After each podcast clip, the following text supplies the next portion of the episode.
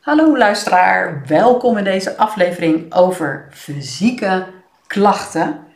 En waarom ik het graag over fysieke klachten wil hebben, is dat ik daar vandaag ineens aan moest denken tijdens mijn yogales. Ik geef in de weekenden yogalessen en het zal je niet verbazen dat daar altijd wel deelnemers tussen zitten die misschien net zoals jij ook wel eens fysieke klachten hebben. Ja, dus misschien hebben ze een blessure of tijdens een bepaalde houding ervaren ze op dat moment een fysieke klacht. En dan heb ik altijd een tip voor ze, een advies. En die, wil ik jou eigenlijk ook meegeven. En als je jezelf al wat langer verdiept in de drie principes, dan denk je misschien, huh, maar Natas die geeft toch nooit tips? En dat klopt, hè? die drie principes die schrijven niets voor namelijk. Die hebben geen tips voor je, geen adviezen voor je.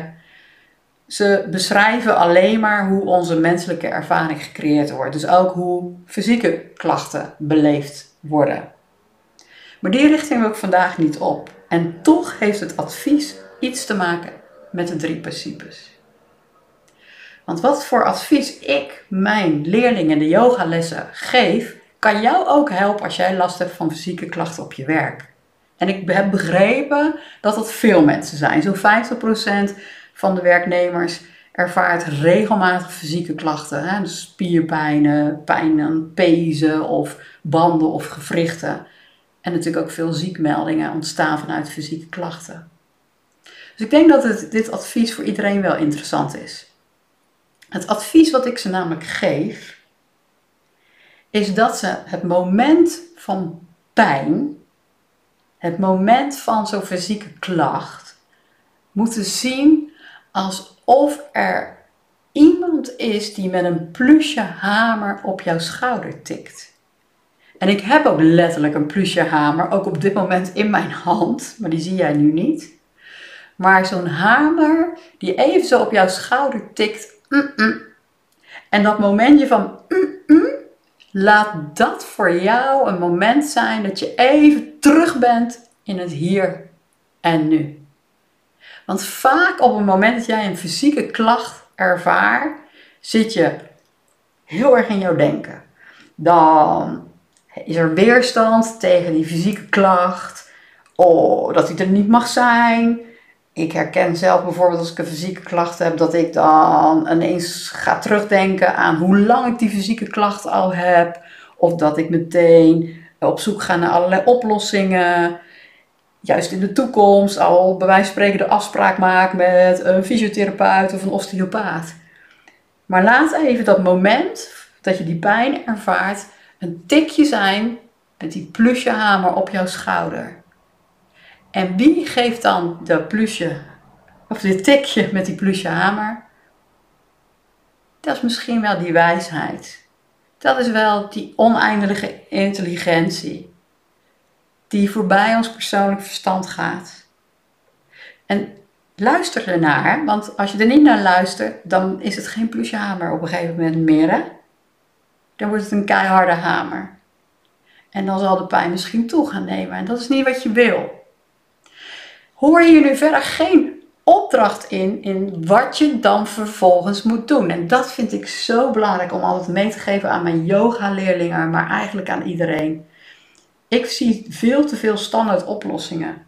Maar juist vanuit die blanco pagina, vanuit die ruimte, vanuit die leegte, vanuit het hier, nu, opent zich een oneindigheid aan mogelijkheden. Wat er dan voor jou op dat moment goed is. Maar die is helemaal fris en helder. Het is gewoon een soort innerlijk weten wat er dan verschijnt.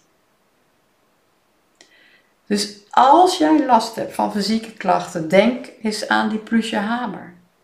Iemand anders noemt het een liefdesbrief. Op het moment dat er veel denken is over fysieke klachten, dan op het moment dat jij je dat realiseert, zie dat als een liefdesbrief die je dan krijgt.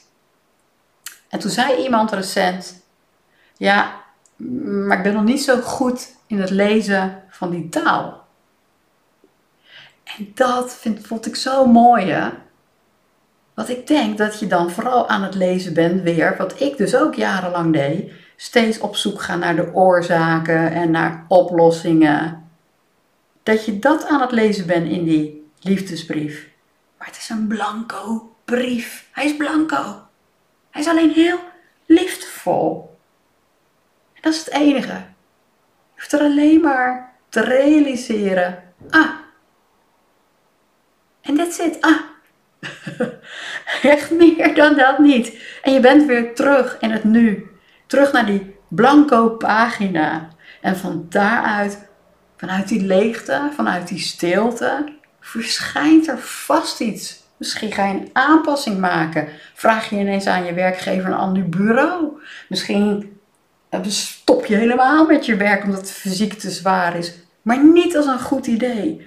Maar vanuit een innerlijk weten, die dus komt vanuit die oneindige intelligentie. Dus wil jij een uh, keer zo'n uh, plusje hamer ontvangen? Doe dan een keer mee aan een dagretreat bij mij. Alle deelnemers die krijgen altijd zo'n plusje hamer van mij of iets anders. Gewoon om zichzelf steeds weer te herinneren aan hoe het systeem nou eigenlijk werkt. Dus ehm, je bent van harte welkom om natuurlijk ook een keer deel te nemen. En ik ben benieuwd wat jij hoorde in deze aflevering. Ik vind ook altijd de ja-maren heel interessant. Hè? Juist als er nu een ja-maar bij jou oppopt, mail me eventjes naar contact.natasjahogeboom.nl En ik hoor jou in de volgende aflevering weer. Of je hoort mij dan.